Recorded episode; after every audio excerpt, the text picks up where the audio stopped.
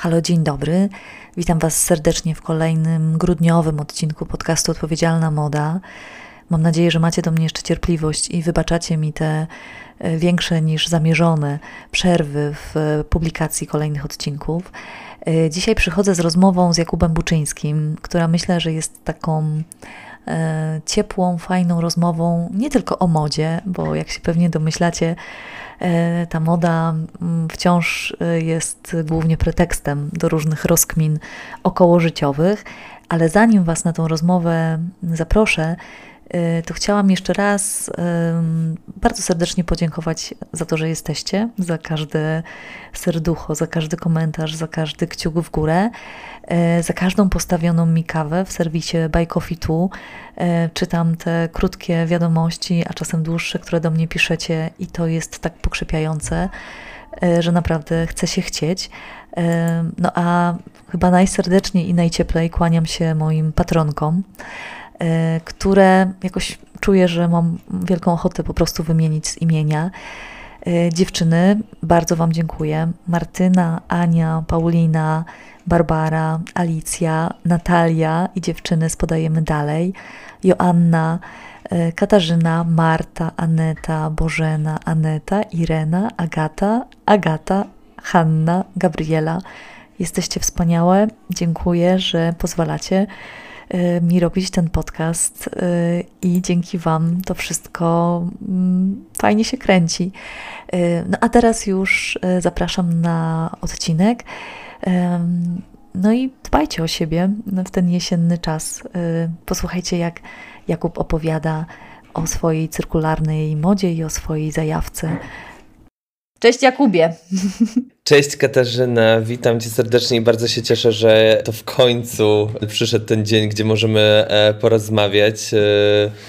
Po w sumie już dosyć długim czasie, bo przecież spotkaliśmy się pierwszy raz na Circular Text Hub na panelu dyskusyjnym i już wtedy po tym panelu e, zapytałem, czy, czy pogadamy, e, bo miałem dużo do tak. dodania tak. po panelu. No i dzisiaj, słuchaj, e, będzie ten moment, gdzie mikrofon jest Twój, ale zanim zaczniemy, to tym, którzy mogą Cię jakimś cudem nie kojarzyć, powiedz proszę, kim jesteś, co robisz, tak żeby nam zarysować swoją sylwetkę i Twoimi własnymi słowami. Um, jestem człowiekiem. Nazywam się Jakub Buczyński. Na co dzień prowadzę pracownię na kolejowej w Warszawie. Pracuję z materiałami używanymi z drugiego obiegu. Wprowadzam surowce wtórne w kolejny obieg. Nie zawsze to jest drugi, czasami jest to już trzeci i kolejny i kolejny. Nadaję wyższą wartość e, używanym materiałom i w zasadzie tak naprawdę dużo działalności dzieje się wokół mojej, mojego zawodu, bo to są już e, nie tylko ubrania, ale też na przykład podcasty, czy, czy panele, tak jak e, mówiłem, czy jeszcze inne ciekawe doświadczenia, bo branża się bardzo mocno rozwija i widzę, że, że ja też siłą rzeczy rozwijam się od y, sześciu lat nieustannie i każdy rok dla mnie jest bardzo zaskakujący, bardzo dynamiczny i kolorowy też, bo moje rzeczy są bardzo kolorowe, myślę, że wyraziste i stąd też y, myślę, że ta moda moja jest zauważalna, bo staram się, żeby z jednej strony moje ubrania niosły dobrą ideę i historię, a drugi aspekt, który dla mnie jest ważny, to to, żeby były wyraziste i zauważalne. Bo wtedy, mhm. wtedy je po prostu widać i ludzie zwracają na nie uwagę. I myślę, że, że tym pokrótce się zajmuję. Mhm. I będziemy sobie tą Twoją działalność rozpykiwać kilku takich ważnych rzeczy dotknąłeś, bo wydaje mi się, że dzisiaj właśnie ci twórcy i twórczynie, którzy zajmują się e, modą w taki inny sposób, na przykład e, tym upcyclingiem, czy, czy tak jak powiedziałeś, po prostu podnoszeniem wartości, bo mam wrażenie, że, że te, to słowo upcycling bywa takim, mm, takim trochę blokerem e, czasem w komunikacji, więc właśnie ten drugi, trzeci obiekt trochę sprzątasz po prostu po branży, zagospodarowujesz to, co dla jednych jest odpadem i, i pokazujesz, że to, to może być coś atrakcyjnego, ale też opowiadasz o tym, bo chyba ten aspekt tłumaczenia, dlaczego robisz to tak, a nie inaczej, jest y, mm, ciągle mm, turbo potrzebny. Więc y, może zapytam, tak jak kiedyś Mariusz Szczygieł pytał w takim programie na Polsacie na każdy temat i on zadawał na przykład takie pytanie, myślę, że to byłoby w jego stylu.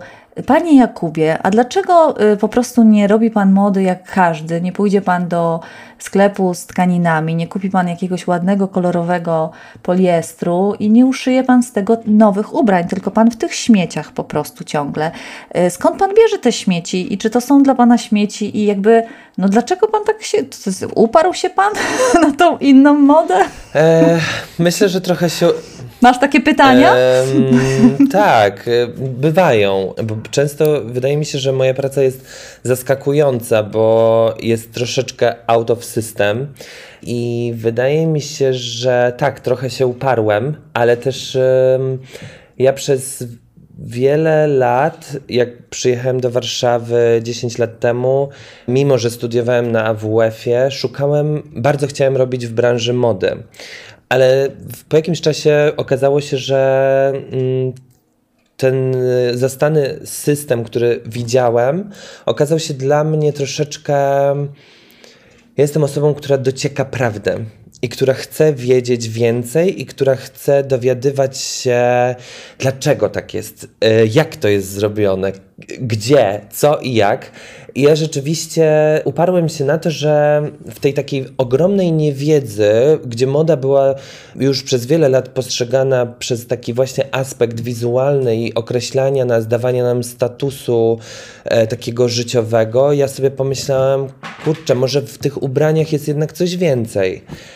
I bardzo sobie obserwowałem tą branżę. Pracowałem w butiku Młodzi Polscy Projektanci, studiując na AWF-ie i zastanawiałem się, co mogłoby znaczyć jeszcze bardziej ubrania i i się okazało, że dla mnie po prostu ubrania zaczęły nieść jakąś historię, bo po prostu dowiedziałem się o prawdziwym koszcie mody, o prawdziwej historii, kto stoi za masową produkcją i chciałem pójść e, troszeczkę pod prąd i być w tym indywidualny. Ja całe życie trenowałem bardzo indywidualny sport, który jest pływaniem. Do dzisiaj trenuję pływanie.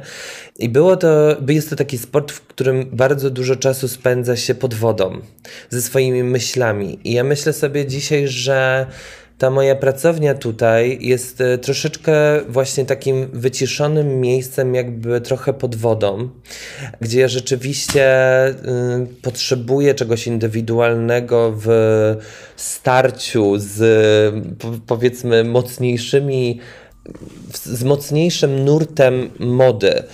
Mhm. I przełożyłem to gdzieś na moje kreatywne rzeczy. Więc y, to indywidualne spojrzenie mm, było dla mnie bardzo, bardzo ważne. Y, I, i rzeczywiście. 6 y, lat temu, jak wiesz, był taki boom na blogerki, na sieciówki, na tą taką obfitość, ja sobie mhm. przypomniałem o mojej babci, o jej rzemiośle, o mojej mamie, która chodziła do lumpeksów, o moim tacie, który jest rzeźbiarzem i te wszystkie trzy rzeczy trochę połączyłem. I tak, jestem, jestem uparty i rzeczywiście myślę, że od y, sześciu lat też uparcie wprowadzam na rynek słowa upcycling, bo ja sam sześć lat temu nie wiedziałem, że zaczynam robić upcycling. No. Mhm.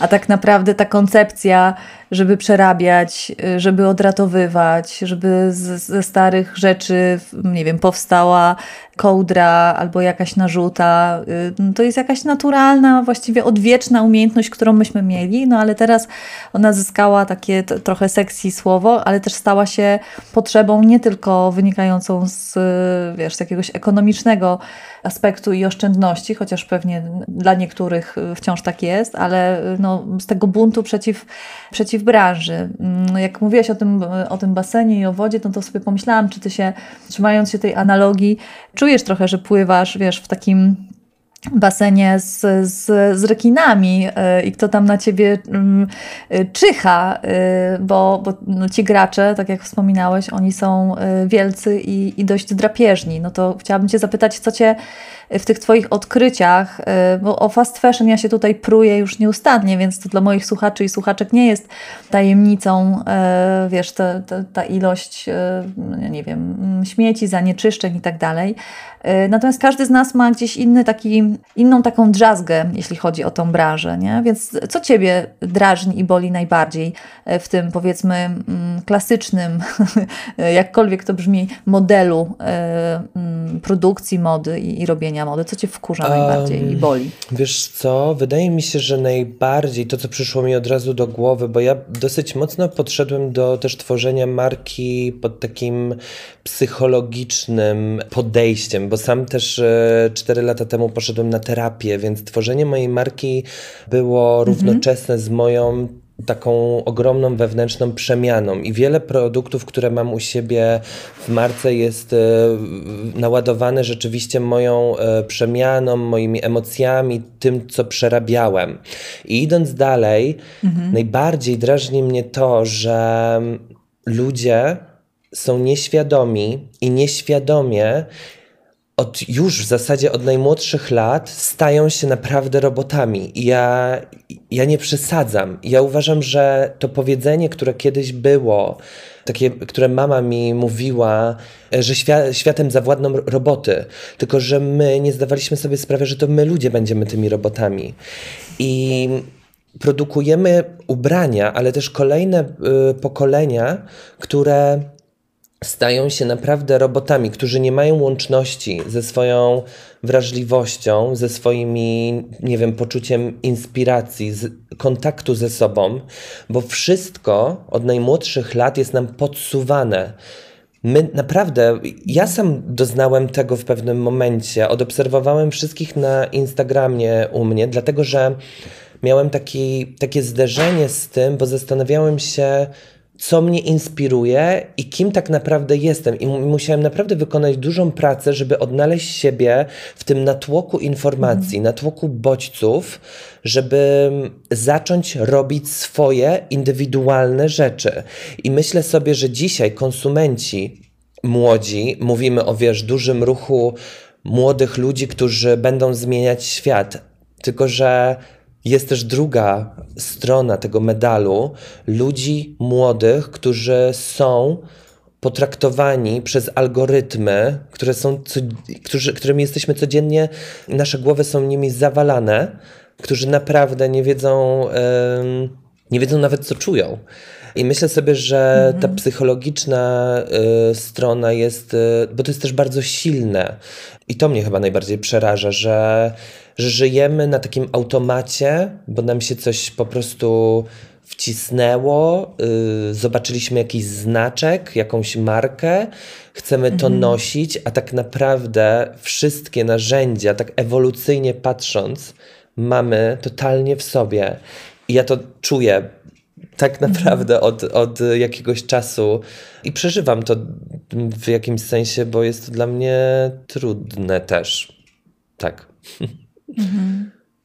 No ja ci mogę tylko przybić piątkę, bo jak zaczynałam pisać e, książkę Odpowiedzialna moda, to, to wiedziałam, że to, to wprowadzenie e, do porządku we własnej, własnej szafie, stylu, ono się musi zacząć od opowiedzenia tego świata branży, tego aspektu społecznego i ekologicznego, który jest dosyć znany, ale też tego aspektu kulturowego, mhm. o którym Ty mówisz, czyli tego, jak, jak e, świat nam dziś opowiada o nas samych, o naszych y, wyborach, potrzebach, jak nam, tak jak mówiłeś, y, y, tak, podsuwa tak wiele możliwości, że nie mamy właściwie czasu zapytać, czy to jest dla mnie, czy to nie jest dla mnie. Jesteśmy pod tą ogromną presją, więc bardzo to fajne, co mówisz. I teraz, wiesz co, z tego takiego wysokiego C chciałabym zrobić taką, taki fikołek do tego, jak to się, to, to o czym mówisz yy, tak ładnie, jak to się przekłada na taką codzienność projektanta, który chce robić modę inaczej. Czyli jak wygląda Twój dzień w pracowni, jak wygląda ten proces, y, skąd się biorą te rzeczy, bo ja często rozmawiam z, ze swoimi studentami i studentkami i, i oni mają ogromne czasem serca do, do, do tej odpowiedzialnej czy zrównoważonej mody, ale potrafią się, wiesz, przewracać czy wykrzaczać na takich prozaicznych rzeczach jak wycena, jak surowce, jak takie pogubienie, czy, czy ja tu będę kreatywny, czy nie, więc opowiedz o takich, wiesz, takich bebechach tego, mhm. tej swojej działalności, na tyle, na ile oczywiście chcesz um, i możesz. Bardzo chcę, bo myślę, że to jest ciekawe i cieszę się, że dajesz e, przestrzeń mi e, na to. Wiesz co, y, ja myślę sobie, że zacznę od tego, że że ja to ja, ja prowadzę ten, e, tą markę, ten biznes od 6 lat, tylko tak naprawdę prowadzę na serio tą działalność trzeci rok. Bo mhm. na serio zaczęło się, kiedy zaczęła się pandemia i mój poprzedni biznes padł, bo to był, e, była agencja marketingowa dla gastronomii, a ja akurat e, miesiąc wcześniej przed pandemią wynająłem sobie pracownię i tak się zaczęło. Ja myślę sobie, że moja działalność rozwija się powoli i krok po kroku. I ja przez te 6 lat przeżyłem pracę od zlecania 10 kurtek krawcowej w Malborku, w moim mieście rodzinnym, od pożyczania pieniędzy na start od moich rodziców, po pracę z największą sortownią z, w Turpol w Europie, która sortuje już teraz 84 miliony kilogramów rocznie. I ja wiem, że bardzo dużo młodych osób ma takie myślenie, bo patrzą sobie na różne osoby w branży i myślą sobie, o kurde, on to ma już tak, już tak to wypromował, ja też tak Z górki. Tak, ja też tak chcę. Mhm. Ale ja też nie miałem tak od razu. I ta droga sześciu lat była bardzo powolna, i jest to trochę analogiczne do właśnie slow fashion. Ja nie chcę, ja mhm. dostałem propozycję y, inwestora Dzisiaj powiedziałem nie, dlatego że właśnie moja głowa nie jest gotowa na otwieranie butików w Europie, bo nie jestem jeszcze gotowy mhm. i po prostu nie chcę, nie chcę na razie tego robić, bo uważam, że na tyle chcę być odpowiedzialny, że chcę to zrobić znowu krok po kroku, nie wiem jeszcze, czy z inwestorem, a może w, według własnych zasobów za jakiś czas, ale dzisiaj skupiam się na jeszcze innych aspektach mojej twórczości. I przechodząc do codzienności, to ja sobie przed każdym rokiem wymyślam plan. I działam tak naprawdę. Mhm. Mm, mój, powiedzmy, jeden projekt trwa rok. Oczywiście dookoła okay. jednego projektu dzieje się przy okazji, jak się okazuje, wiele różnych innych jeszcze rzeczy. Na przykład w tym roku miałem zaplanowane zrobienie kolekcji z sortownią i to był mój jeden największy projekt, na którym się skupiałem. Mm -hmm. Rok wcześniej -hmm. był to, było to zrobienie w czerwcu flashmoba na Zbawiksie. I Oprócz tego, że robię ubrania, skupiam się dosyć mocno na takiej kwestii marketingowej, skupiam się na takiej e, kwestii mierzenia siły na zamiary i nie robię wszystkiego naraz. Staram się rzeczywiście też podchodzić do tego dobrze strategicznie. Dzisiaj mamy listopad i mam jeszcze w tym roku zaplanowany jeden projekt właśnie e, wokół mody zrównoważonej, ale też sztuki, którą robię. Nie wiem, właśnie stoję przed dylematem, czy to zrobię, bo nie wiem, czy jestem, czy mam na tyle w tym roku jeszcze siły po wydaniu kolekcji, po openerze, po festiwalach, po współpracach bo bardzo dużo tego było w tym roku. I tak trochę wygląda moja codzienność, że. Ym, że chciałbym, żeby to wszystko było powolne. Oczywiście nie da się, nie da się wszystkiego spowolnić, bo życie pędzi i ten biznes też pędzi i ten biznes jest dynamiczny i trzeba odpowiadać bardzo często szybko na, na zmieniający się świat, ale rzeczywiście nauczyłem się chyba spokoju i takiego racjonalnego decydowania o tym, co jest dzisiaj dla mnie priorytetem. Więc dzisiaj na przykład y, wstawiamy produkty na sklep, mam zamówienia indywidualne i dzisiaj moim priorytetem jest dylemat, czy robić jeszcze w tym roku y, jeden taki mój autorski projekt. To tak myślę, że dosyć mm. metaforycznie wygląda. Opowiedziałem o tym, jak wygląda moja codzienność, no ale tak mi właśnie to przyszło na myśl. Mhm.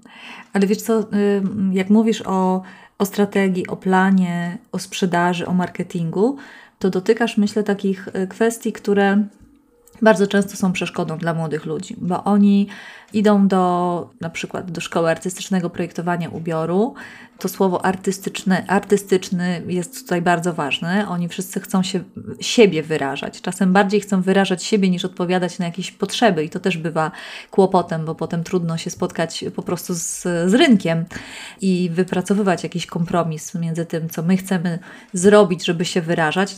Jednak e, moda jest e, pewnego rodzaju usługą, prawda? Jest e, te potrzeby drugiej strony, to nie jest obraz, który my tworzymy i czekamy, czy, czy się e, ktoś znajdzie, czy nie, tylko tutaj jakby, oczywiście możemy też tak e, traktować modę, ale myślę, że ta współpraca, tak jak mówisz, e, przymiarki, ale też odpowiadanie sobie na pytanie, kto potrzebuje moich ubrań i po co, kto będzie ich używał, no to to jest, to jest ta kwintesencja. I nagle, wiesz, twórca, szalony twórca kolorowych rzeczy mówi, że ma jakiś plan, ma strategię i że jeszcze jest tutaj myślenie o marketingu.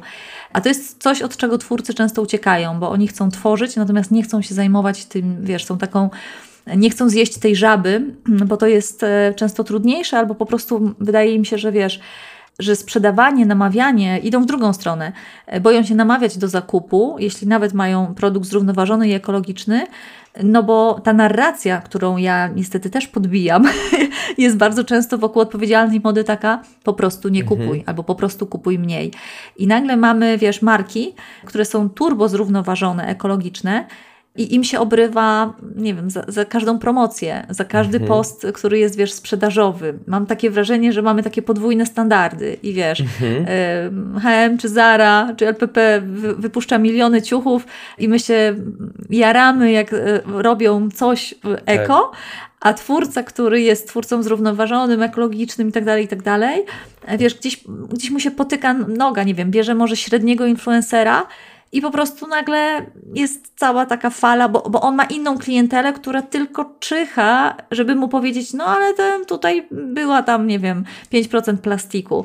Ja przynajmniej widzę, wiesz, taką, um, taką dużą ortodoksję mhm. w tych niektórych grupach, więc y, chciałabym, żebyś powiedział trochę o tym aspekcie takim, wiesz, handlowym, czyli mówiąc wprost, czy to jest coś... O zrównoważonym e, myśleniu o mm, biznesie. Co, tak, tak. To znaczy, wiesz, jak robić zrównoważoną modę i y, wymyśleć sobie, y, czy, czy opracować sobie plan, jak ją sprzedawać, czy jak ją promować, jak, jak to masz przemyślane. Mhm. No bo jak pływasz, to ja wiem, że ty masz to przemyślane. Słuchaj, e, oczywiście, że mam to przemyślane i e, też mam oczywiście odpowiedź na wszystko, co tutaj Wspaniale. Um, Na to liczę Kasia, właśnie. Wiesz co? Um, to tu też się odniosę do takich moich przemyśleń sprzed lat i e, moją taką radą dla twórców jest to, że kiedyś zobaczyłem taki napis masz to w życiu, na co się odważysz. To raz, i zaraz do tego wrócę, a dwa, to mhm. to, że te wielkie marki też kiedyś zaczynały i popełniały błędy i zmieniały powoli, powoli świat. I ja dzisiaj sobie myślę, bardzo często zarzucano mi to, że jak zacząłem tworzyć markę, że o Boże, Jacob, weź coś wymyśl nowego, a nie tam te kurtki z frędzlami. A ja sobie pomyślałem, wait, mhm. jakby sprzedałem 100 kurtek w jakimś tam okresie czasu, ale uważałem, że ten produkt jest, ma na tyle potencjał, i dotarłem do 100 mhm. tysięcy osób, a na świecie jest 8 miliardów ludzi, więc dlaczego mam przestać promować mój produkt, który jest zrównoważony, który niesie za sobą ideę, który jest autorski, który jest kolorowy, wyrazisty i który mam wrażenie, że wielu osobom zmienia życie, więc dlaczego mam się podoba, tak? tak? Jest po, po, prostu się podoba. Dalej się podoba, bo nie wszyscy go jeszcze mają. Tak, a... e, mm -hmm. więc, e, więc tak jak na przykład jest sobie kurtka Levis, zobacz, ona jest sprzedawana na świecie od 100 lat i nadal się sprzedaje. Więc dlaczego mam rezygnować z produktu, który się sprzedaje po na przykład dwóch latach? Ja, ja, mam, ja mam ochotę sprzedawać to jeszcze na przykład 20 lat. I to jest właśnie takie, że jeśli ktoś ci mówi nie, nie sprzedawaj, nie reklamuj, to ty postaw się i powiedz, a właśnie ja to zrobię, bo, bo chcę walczyć o mój biznes, bo chcę być na tym rynku i to jest mhm. moja pasja i, i, i spełniam swoje marzenia i nieraz jeszcze popełnię błędy, ale kurde, no muszę sobie też mhm. odpuścić te błędy, bo jeśli ich nie popełnię, no to się nie nauczę i to jest, ja wiem, że to jest takie proste, nie? Ale rzeczywiście tak trzeba robić i ja błędów popełniam naprawdę masę przy, myślę, że przy reklamie, przy produkcji, ale robię to pierwszy raz i, nie, mhm. ja nie jestem, e, nie mam, nie mam w, w rodzinie e, kogoś, kto nie wiem, ma jakąś sieciówę, czy powie mi, jak to robić. Ja mam wrażenie, że też e, tworzę jakiś nowy system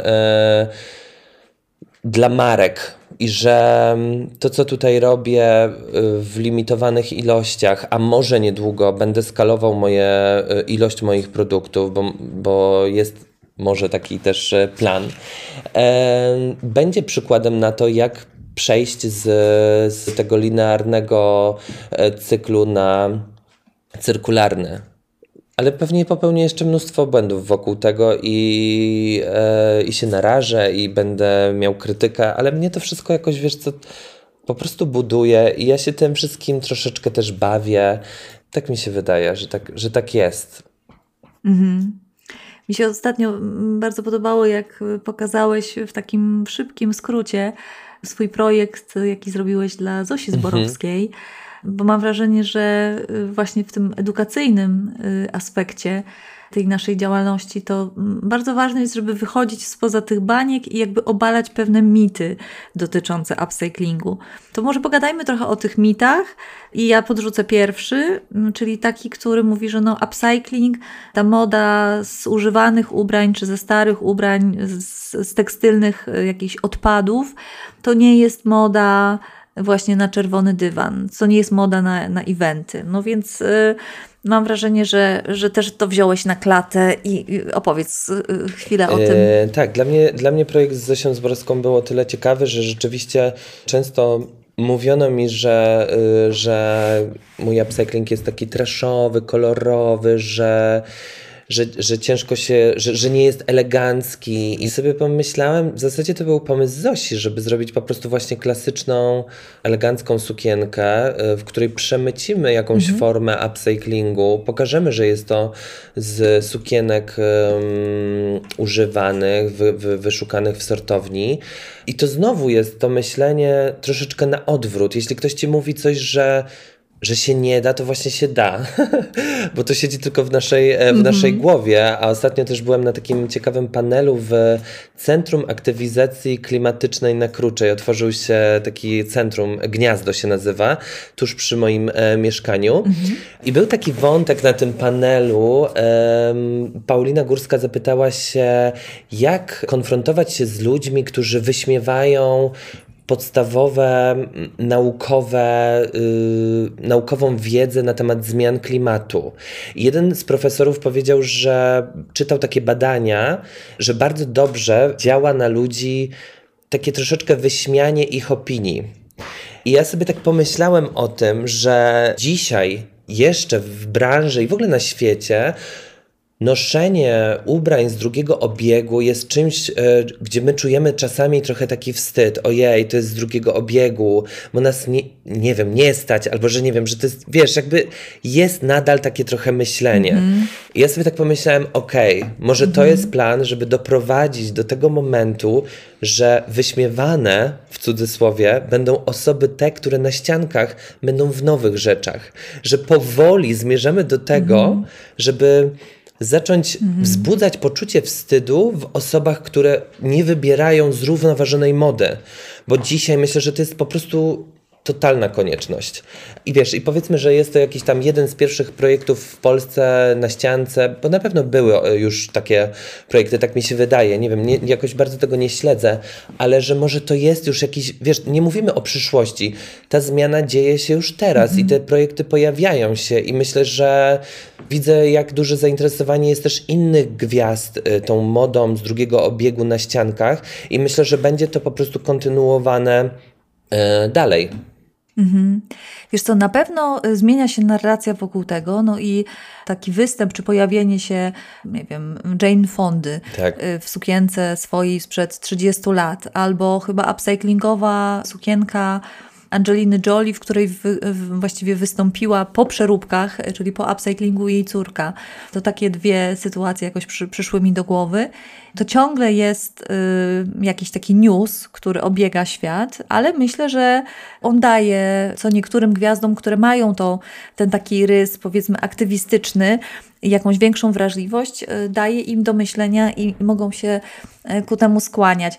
Ja nigdy nie wiem, czy to jest, wiesz, dobry patent, żebyśmy coś robili, yy, czy, czy zmieniali w obawie przed wyśmianiem i obciachem, bo wszelkie formy shamingu dla mnie są po prostu jakieś takie opresyjne. Mhm ale na pewno chciałabym, żeby się ludzie, tak jak w pewnym momencie w Szwecji był jakiś taki ruch, że ludzie się zaczęli trochę tłumaczyć z tego, że w ogóle gdzieś lecą na wakacje, A, tak? Okay. Że jakby było to gorzej widziane. Znaczy, wiesz, że, że tak jak my ciągle jeszcze, mm, my znowu jakoś uogólniam, ale ale jesteśmy na tej fali, że y, wiesz, story z Zanzibaru y, fajnie się niesie. Tak, y, może też kiedyś będzie, będzie tak, że te Mazury będą bardziej hot i kajaki na Pojezierzu Drawskim niż, niż wiesz, 50 lotów na kawę do Wiednia, y, Paryża i, i, i Barcelony. Tak. tak? Y, wiesz co, ja... To się, to, to się ja zmienia, sobie, ale wolno. Tak, ale ja też sobie myślę, że wiesz, a propos tego, co powiedziałeś, że mm, każdy jest w zupełnie innym momencie swojego życia i każdy może pozwolić sobie na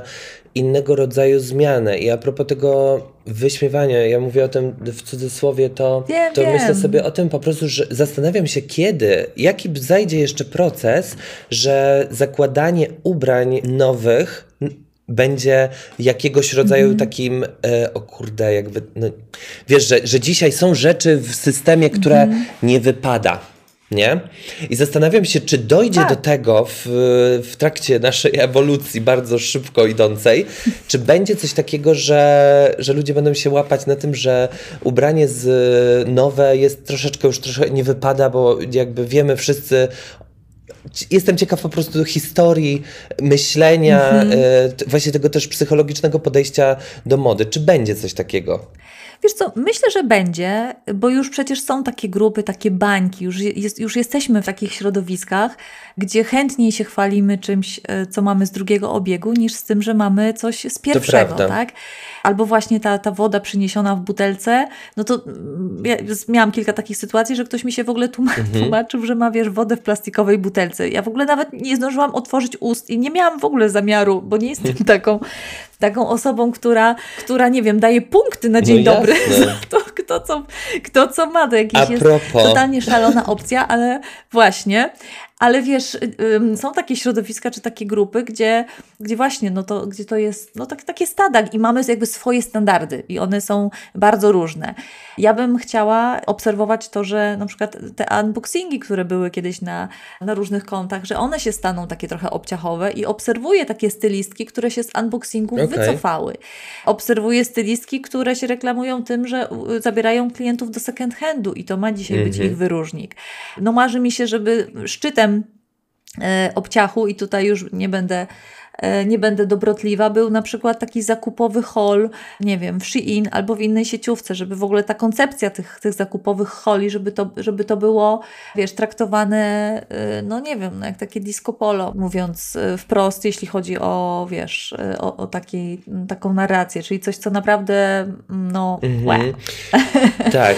Ale to się, wiesz, to, myślę, że to się przebija, e, tylko bardzo nierównomiernie i my też czasem nie jesteśmy w stanie nawet docenić tych, tych zmian, bo jesteśmy niecierpliwi, przynajmniej ja tak mam, że, że mi się zawsze wydaje, że, że to jest za wolno, że to jest nieadekwatne i, i, i tak dalej. Mhm. Nie? Więc, ale ale wiesz co, to. też tak sobie myślę, że dużo zależy w, tej, w kwestii tej zmiany od ludzi, którzy nami e, rządzą, czyli od władzy i że, że wiesz, że, że czasami to jedno środowisko potrafi iść w jednym naprawdę dobrym kierunku, bo ma dobry przykład z góry, a my dzisiaj trochę jesteśmy, ja dochodzę do wniosku, że jestem zmianą, której sam oczekuję od świata, ale na przykład w Polsce mam wrażenie, że naprawdę mamy miernych liderów, którzy kompletnie nie potrafią e, wprowadzać pozytywnej zmiany i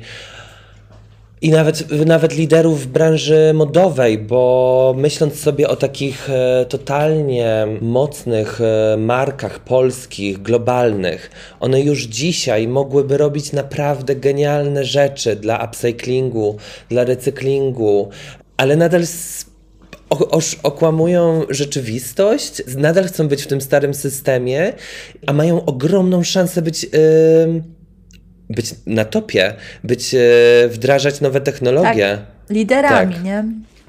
No, ja się zgadzam, że na wielu poziomach, nawet takich oczywistych, wydawałoby się, jak nie wiem, edukacja, czy, czy służba zdrowia, czy no nie wiem, wiedza, jakaś edukacja seksualna, ale edukacja w ogóle, no to my cały czas musimy hakować system, żeby w ogóle jakoś tutaj operować, tak? Że coś, co jest, co jest no, normalne w tym dobrym tego słowa znaczeniu i pożądane gdzieś, gdzieś w innych krajach, y, my się musimy znowu o to bić, y, tak jak y, sufrażystki.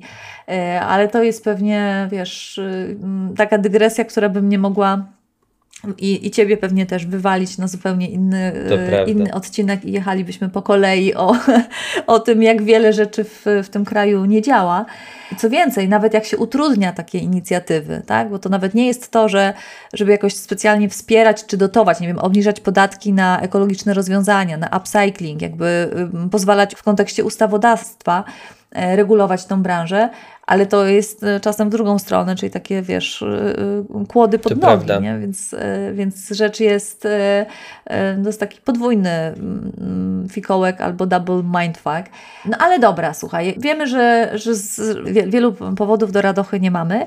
Ja jeszcze Cię chciałam zapytać o wtórpol, bo to jest w ogóle bardzo ciekawa opcja i bardzo ciekawe źródło tych tekstylnych odpadów, które też pokazuje, jak bardzo my no po prostu jesteśmy, nie wiem, przywaleni ilością ciuchów i szmat. Opowiedz o tej, o tej sortowni, opowiedz o tym właśnie skąd pozyskujesz rzeczy, bo wspominałeś o tym przy okazji projektu, ale to też takie prozaiczne pytanie, y, które pewnie młodzi ludzie sobie zadają, czyli dobra, no to jeśli ja dzisiaj chcia, chciałabym, chciałbym zacząć robić coś w drugim obiegu, no mogę iść do lumpeksów y, i coś tam łowić, ale może są jeszcze inne opcje, czyli jak się zabrać y, za upcycling. Mhm. Dobra, e, że jak powiedziałaś o Turpolu, to aż mi szybciej serce zaczęło bić, bo to nadal jest dla mnie takie, wiesz, bardzo ekscytujące, że, że, że dotarłem tam i, i byłem tam i robiłem te wszystkie, wszystkie rzeczy i widziałem ten, ten system i te ilości. I to naprawdę jest doświadczenie dla, dla mnie niesamowite, bo trochę też widzę jak e, z tych takich malborskich, z mojego miasta rodzinnego lumpeksów przeszedłem do tak ogromnego miejsca. I to też jest e, powiedzmy jakiś taki wypracowany krok po kroku proces, że, że udało się tam dotrzeć. Um, więc myślę sobie, że w tym e, upcyclingu e, ja zaczynałem od materiałów, które zostały po mojej babci, która zachorowała. I to były moje pierwsze mhm. materiały, które wykorzystałem do kurtek. Później to były lumpex, e, vinted, allegro rzeczy znalezione czasami w kontenerach, jak ktoś zostawiał, nie wiem, mieszkanie opróżniał, zbierałem firany i wiesz, jakby no, wiedziałem, że, że, że będę w stanie to dalej przetworzyć. Dzisiaj działam z sortownią w Turpol, oni są moim e, dostawcą surowca i ubrania pochodzą z 60 tysięcy kontenerów rozstawionych w całej Polsce. No ilość tego jest naprawdę filmy, które nagrałem do siebie na Instagram z wizyty we Wturpolu, to nie oddaje tego, co się widzi tam na, na żywo. Tam naprawdę pracuję na jednej zmianie kilkaset osób. Ja w ogóle strasznie bym chciał, żeby tam były e, robione wycieczki do tej sortowni, żeby pokazywać, do mhm. czego prowadzi nasza nadprodukcja, y, konsumpcjonizm. A co ciekawe, jakby to nadal jest bardzo mały procent tego, co moglibyśmy w perspektywie na przykład całej Polski przetwarzać. Więc e, ja nie mam e, informacji do końca, jaka jest tam e, sytuacja. E, myślę, że Wturpol na pewno jest bardzo otwarty na współpracę, bo to jest też taka mhm. Firma, która chce się rozwijać marketingowo i bardzo się cieszę, że nasz projekt się powiódł i, i gdzieś e, pokazaliśmy ten, e, ten drugi obiekt, który działa od 30 lat w Polsce w mediach. Także mhm. słuchajcie, no, możliwości jest bardzo dużo w w, na, w Polsce e, dla młodych twórców. Ja mam naprawdę mhm. materiały tak wyjątkowe, tak niesamowite, że codziennie mogę robić coś innego, inny projekt i one są dosłownie na wyciągnięcie ręki dookoła nas. Tylko trzeba się rozglądać i trzeba być mhm. uważnym. No właśnie, bo to co mówisz, to obala ten mit, jakoby upcycling y, i ta właśnie ekologiczna moda, ona była pełna ograniczeń. Ja też zawsze mówię, że to jest kwestia y, kreatywności i jeśli się do tego podejdzie w odpowiedni sposób, no to tych możliwości i tych pomysłów i tych surowców, to one dopiero odpalają jakieś takie galaktyki nowych rzeczy.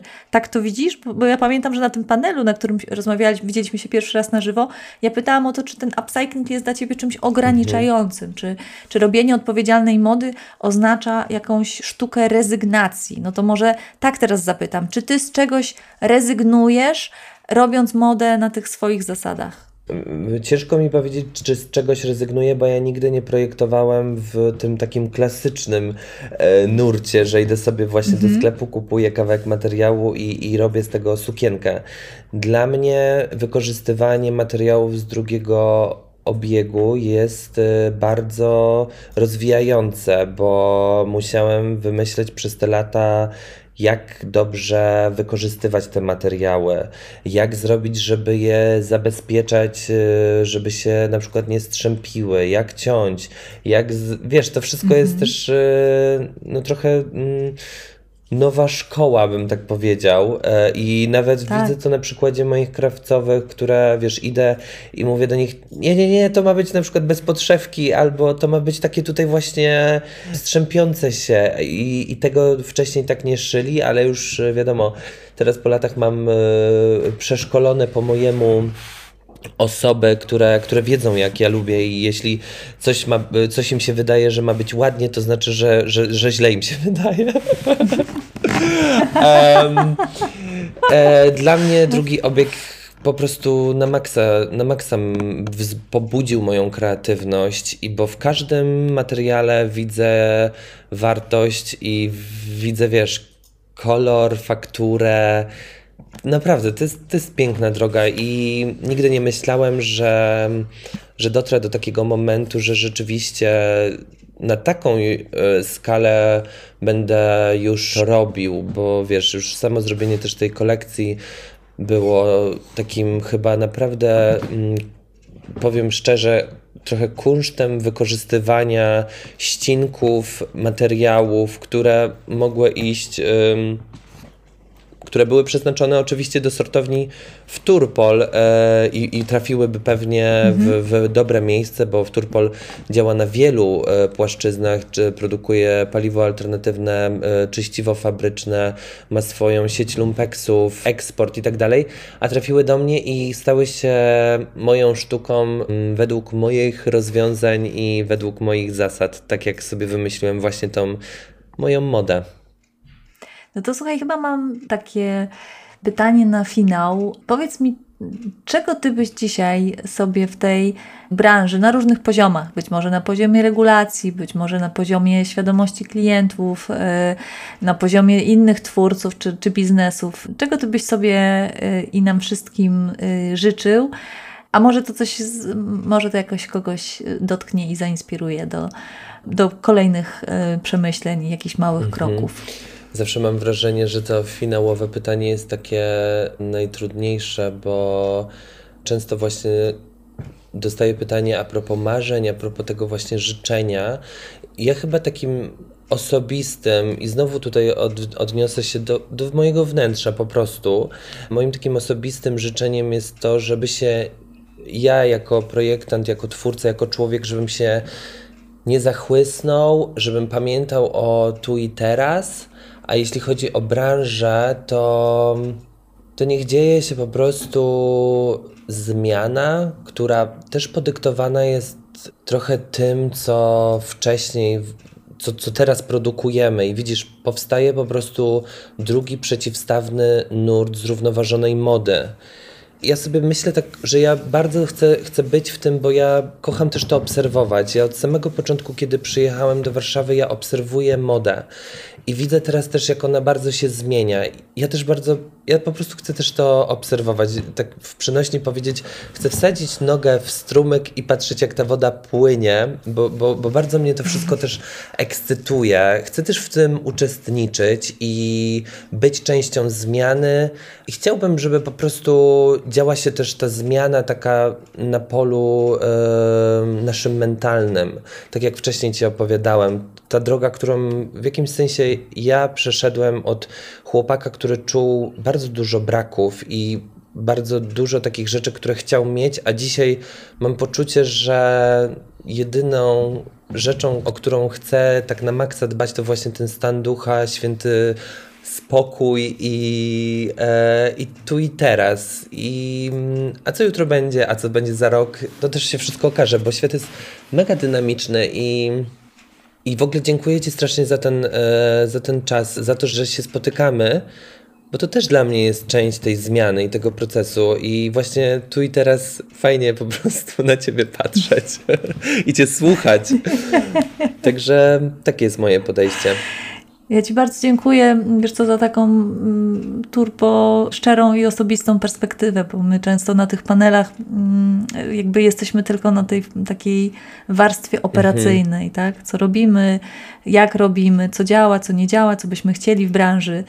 A tak naprawdę myślę, że i Ty, i ja robimy to, co robimy e, właśnie dlatego, że najpierw żeśmy przewalili trochę mhm. wewnętrznego gruzu tak. w sobie no i jakoś dokopaliśmy się może do tych, y, do tych wartości i do tego, co, co dla nas ma znaczenie. To czy ty jesteś optymistą? Powiedz, bo to, to, to brzmi dobrze, jak na, jak na nasze takie, wiesz, burze. Ja jestem jeszcze ciągle na tej fali takiego y, świętego gniewu, na te mhm. newsy dotyczące zadłużenia największej polskiej odzieżowej spółki w Bangladeszu, niewychodzenia mhm. z Rosji. Wiesz, mnie takie rzeczy po prostu y, totalnie wywalają z butów. Nie umiem wokół, wobec tego przejść obojętnie. E, mhm. Ty też, co sobie bardzo cenię, bo, bo to nie jest czasem łatwo i nie jest wygodnie mówić takie rzeczy, ale jakoś mi wieje optymizmem z tej y, rozmowy. To, to może tak zapytam przewrotnie, właśnie, czy ty myślisz, y, że to się wszystko uda, albo jakby co ci daje siłę i, tą, mhm. i ten uśmiech? Wiesz co, moja szklanka jest do połowy pełna i. Wiesz, ja bardzo mocno po prostu skupiam się w, w moim życiu mm, na sobie i na moich bliskich osobach. I ja wiem, że każda, yy, każda firma, każda osoba przechodzi po prostu yy, zmianę. I tak, jestem optymistą, chociaż wiedza o tym, taka głębsza, jak może to niedługo niestety wyglądać i że, yy, no powiem to szczerze, katastrofa klimatyczna jest po prostu wśród nas. Ona, to już nie jest mowa o przyszłości, ona się dzieje. E, nie napawa optymizmem. Ja jestem taką osobą, która w jakimś sensie lubi działać w kryzysie. I Mhm. Nie powiem, że lubię. To urodziłeś się w dobrym momencie. Tak, ja nie, ja nie mówię, że, że, że to lubię, ale ale kryzysy mnie troszeczkę zmieniają i, i, e, i wtedy też ewoluuję, dlatego mm, staram się widzieć po prostu te pozytywne strony i tak jak mówiłem, no, e, chcę być zmianą, której sam oczekuję od świata. I mi jest okej okay dzisiaj, nie? Chociaż dotykają mnie te rzeczy, które słyszymy na co dzień i mam czasami, wiesz, brak wiary, brak chęci, mam poczucie bez sensu, bywa tak, ale nadal czuję, że tu mhm. i teraz mogę właśnie być tym Jacobem, który, który robi fair rzeczy wobec mhm. siebie przede wszystkim. I mówić o tym, mhm. bo myślę, że właśnie mówienie, powtarzanie, opowiadanie historii własnej jest czymś dobrym i powoduje to, że ta historia po prostu nie zanika, a się rozwija. Niesie. No to mam nadzieję, że dzisiaj ponieśliśmy Twoją historię w świat. Y, jakoś mnie w, w, wzruszyłaś o. kilka razy. I, I, mam nadzieję, że wiesz, że tam po drugiej stronie też trafisz, jest, nawet jestem tego pewna, na takie czułe, czułe uszy, więc niech się niesie, a Tobie życzę, żebyś zawsze był w tym dobrym kontakcie ze sobą i, i potem dawał trochę tego światła i kolorów i, i się dzielił mm, tym wszystkim, co masz e, najlepsze. Więc powodzenia w tych biznesach i no i takie mam przeczucie, że to nie było ostatnie nasze spotkanie, więc nie żegnam się jakoś tak, wiesz, e, dramatycznie, tylko po prostu mówię to no, do zaś. Ja też bardzo Ci dziękuję za to, że mnie słuchałaś i że mogłem poznać Twoją perspektywę. Dziękuję.